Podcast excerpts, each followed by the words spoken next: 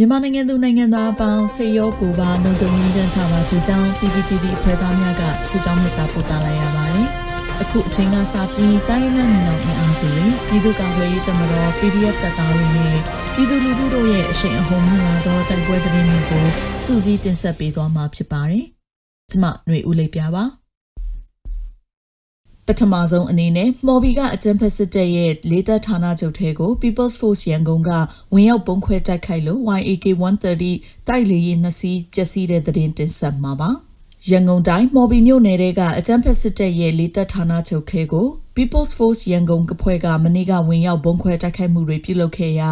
YAK 130တိုက်လေယာဉ်နှစ်စီးပျက်စီးခဲ့ပါတယ်။ People's Force ရန်ကုန်ရဲ့သတင်းထုတ်ပြန်ချက်မှာတော့ရန်ကုန်တိုင်းမော်ဘီမြို့နယ်ရှိအကြံဖက်စစ်ကောင်စီလေတပ်ဌာနချုပ်ကိုယမန်နေ့ဖေဖော်ဝါရီလ18ရက်ကဘုံခွဲတိုက်ခိုက်ခဲ့ကြောင်းနဲ့တိုင်းရင်းသားဒေသတွေကိုဘုံကျဲတိုက်ခိုက်နေတဲ့ Fighter Jet လေယာဉ်တွေထားရှိတဲ့နေရာကိုတော်လန်ရေးရဲဘော်တွေကဝင်ရောက်ခါလေယာဉ်ကိုဘုံဆင်ခဲ့ပြီးည7:40မိနစ်တွင်အဝေးမှအဝေးထိန်ခလုံးနှိပ်ဖောက်ခွဲခဲ့ခြင်းဖြစ်တယ်လို့ဒီနေ့မနက်မှာသတင်းထုတ်ပြန်လိုက်တာပါ။ PVTV သတင်းဌာနရဲ့စုံစမ်းမှုအရတော့ပျက်စီးသွားတဲ့တိုက်လေယာဉ်နှစ်စီးက YAK 130တိုက်လေယာဉ်တွေဖြစ်ပြီးလေယာဉ်အမှတ်1802နဲ့1803တို့ဖြစ်တယ်လို့သိရပါတယ်။အဲ့ဒီလေယာဉ်တွေကိုအကြမ်းဖက်ခေါင်းဆောင်မင်းအောင်လိုင်းကတပြေခတ်နဲ့ရိုက်ထားတဲ့ဓာတ်ပုံတွေကိုလည်း PVTV ကရရှိထားပြီးမင်းအောင်လိုင်းလက်နဲ့ထိတဲ့ဟာမှန်သမျှပျက်စီးရတယ်ဆိုတဲ့အတိတ်နမိတ်တွေကြောင့်ဒီလိုဖြစ်ရတာဆိုပြီးလဲလေးတက်အတိုင်းဝိုင်းမှာပြောနေကြတယ်လို့သိရှိရပါတယ်။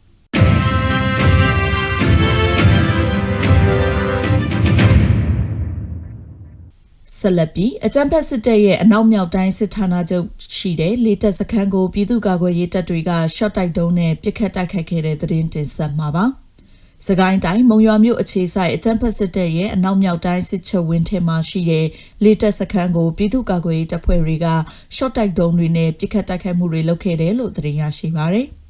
တိုက်ခိုက်မှုဖြစ်စဉ်ကို Freedom Revolution Force FRF နဲ့အတူ KG ဘိုလင်းယုံအဖွဲ့တို့ကပူးပေါင်းလှုပ်ဆောင်ခဲ့တာလို့ဒေသတွင်းသတင်းဌာနတွေကဖော်ပြထားပါတယ်။အဲ့ဒီလေတက်စခန်းမှာစစ်ဘက်3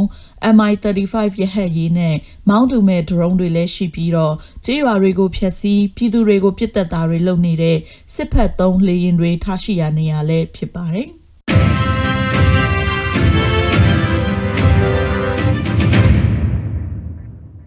တာကေတာတွင်စစ်ကားတစည်းဘုံတနက်တို့ဖြင့်ပစ်ခတ်ခံရပြီးရဲနစ်စစ်သားလေးဦးထိမှန်ဒဏ်ရာရနှစ်ဦးသေဆုံးပွဲရှိပြီးမြို့တစ်ခုလုံးပိတ်ဆို့စစ်နေတဲ့သတင်းတင်ဆက်ပါမယ်။ရန်ကုန်တိုင်းတာကေတာမြို့နယ်မြင်းတော်တာလမ်းမပေါ်ရင်ကင်းလှည့်နေတော့စစ်ကောင်စီတပ်ဖွဲ့၏ရင်တစည်းပေါ်သို့ယနေ့မွန်းလွဲ12နာရီခွဲအချိန်လက်ပစ်ပုံဖြင့်ပစ်ခတ်ပြီးတနက်များဖြင့်ပစ်ခတ်ကြောင်းတပ်တည်င်းရင်မြစ်ကပြောပါရယ် ရဲနဲ့စစ်သား၄ဦးထိပြီး2ဦးကတော့စိုးရိမ်ရတဲ့ဒဏ်ရာအပြင်းထန်ရာကြောင်းသေဆုံးမှုများကြောင်းတပ်သတင်းရင်းမြစ်ကပြောပါရယ်လက်ရှိအချိန်တွင်ပြစ်ခတ်သွားသူများကိုဖမ်းမိခြင်းမရှိဘဲတာကေတာမြို့နယ်အပါအဝင်မြို့နယ်အများအပြားကိုစစ်တပ်ကပိတ်ဆို့စစ်ဆေးရှာဖွေနေကြောင်းသိရှိရပါရယ်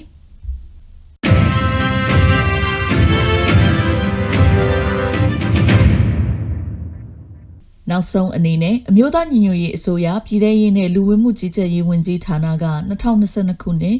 ဖေဖော်ဝါရီလ19ရက်ရက်စွဲနဲ့ထုတ်ပြန်တဲ့ပြည်သူ့ခုခံတော်လှန်စစ်တရင်အချက်လက်တွေကိုတင်ဆက်ပေးသွားမှာပါ။အာနာသိန်းအကြံဖက်စစ်အုပ်စု၏ပြည်သူလူထုအပေါ်အကြံဖက်ဖိနှိပ်ဖန်ဆီးတိုက်ခိုက်တပ်ဖြတ်နေမှုများကိုပြည်သူလူထုတရက်လုံးကအသက်ရှင်သန်ရေးအတွက်မိမိကိုယ်ကိုမိမိခုခံကာကွယ်ပိုင်ခွင့်အရာပြည်သူ့ခန့်စစ် People Defensive War ကိုဆင်နွှဲလျက်ရှိပါတယ်။ တရင်ချက်လက်များအရာ18ရက်2လ2022ရက်နေ့တွင်စစ်ကောင်စီတပ်ဖွဲ့ဝင်96ဦးသေဆုံးပြီးထိခိုက်ဒဏ်ရာရရှိသူ14ဦးအထိခုခံတိုက်ခိုက်နိုင်ခဲ့ပါတယ်။စစ်အာဏာရှင်စနစ်မြန်မာမြေပေါ်မှာအပြည့်တိုင်ချုပ်ငင်းရေးနဲ့ Federal Democracy တည်ဆောက်ရေးအတွက်ငြင်းချမ်းစွာဆန္ဒပြသည့်လူထုတပိတ်တိုက်ပွဲများကပြည်내နဲ့တိုင်းဒေသကြီးများမှာဖြစ်ပွားပေါ်ပေါက်လျက်ရှိပါတယ်။မြေပြင်မှာယခုတွေ့ရတဲ့သတင်းချက်လက်များထက်ပို၍ဖြစ်ပွားနိုင်ပါတယ်ရှင်။